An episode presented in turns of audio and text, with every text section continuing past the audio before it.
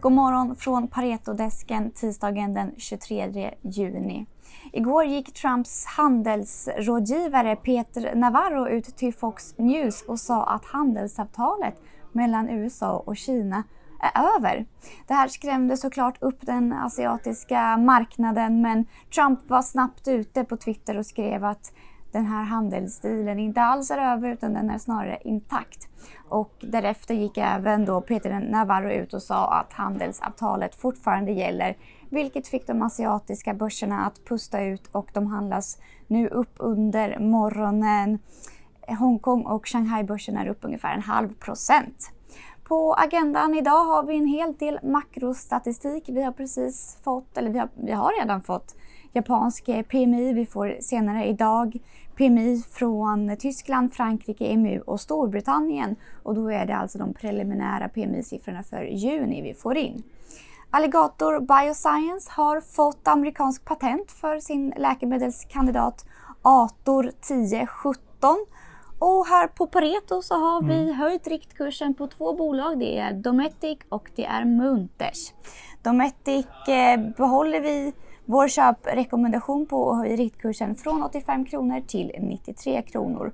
Även Munters behåller vi vår köprekommendation på och höjer riktkursen från 50 till 55 kronor. Anders Roslund, ingen jättehöjning, men varför ska man köpa Munters tycker du? Jag tycker att det i grunden är ett kvalitetsbolag som är inne i intressanta nischer som handlar om, om eh, luft och miljö eh, och energiåtervinning med befuktning och avfuktning som, som viktiga ingredienser. Mm. Det låter inte jättespännande men det kanske det är. Ja, eh, temperatur och eh, klimatkontroll är väldigt viktigt i jordbruket mm. eh, som står för ungefär 30 procent.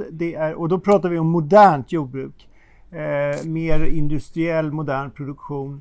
Sen är det väldigt viktigt när man håller på med datacenter, produktion av litiumbatterier och jag kunde fortsätta. Mm. Att det här med att ha ett perfekt klimat i en viss typ av produktion är väldigt viktigt. Så nästan 50 procent av försäljningen är till sektorer som jag tycker växer lite snabbare i ekonomin. Mm. Hur ser marknaden ut för Munters då? Ja, den är lite stabil, eh, lite mer stabil än för andra verkstadsbolag. Vi är ju mm. ledda för det här covid-19 eh, Eh, effekterna och det är klart att det blir ju en, en liten smäll för dem också här i andra kvartalet. Men tittar man lite längre så tror jag att det kommer att kunna se ganska bra ut för dem. Mm. Vad tror du om sommaren för Munters? Har vi någon dålig rapport att vänta oss som med alla andra bolag?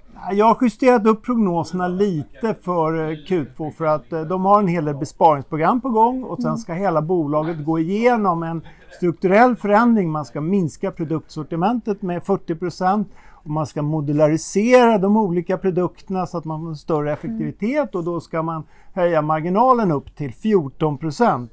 Mm. Eh, det är det som är målet och där är man inte riktigt idag men det är ju det också som utgör potentialen. Vad har de för marginal nu?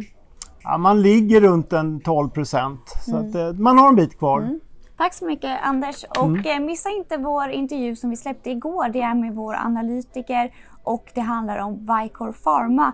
Ett spännande läkemedelsbolag och de har en lovande läkemedelsprodukt inom eh, cancer. Så den tycker jag att ni ska lyssna in och sen så får ni ha en fin dag så hörs vi igen imorgon.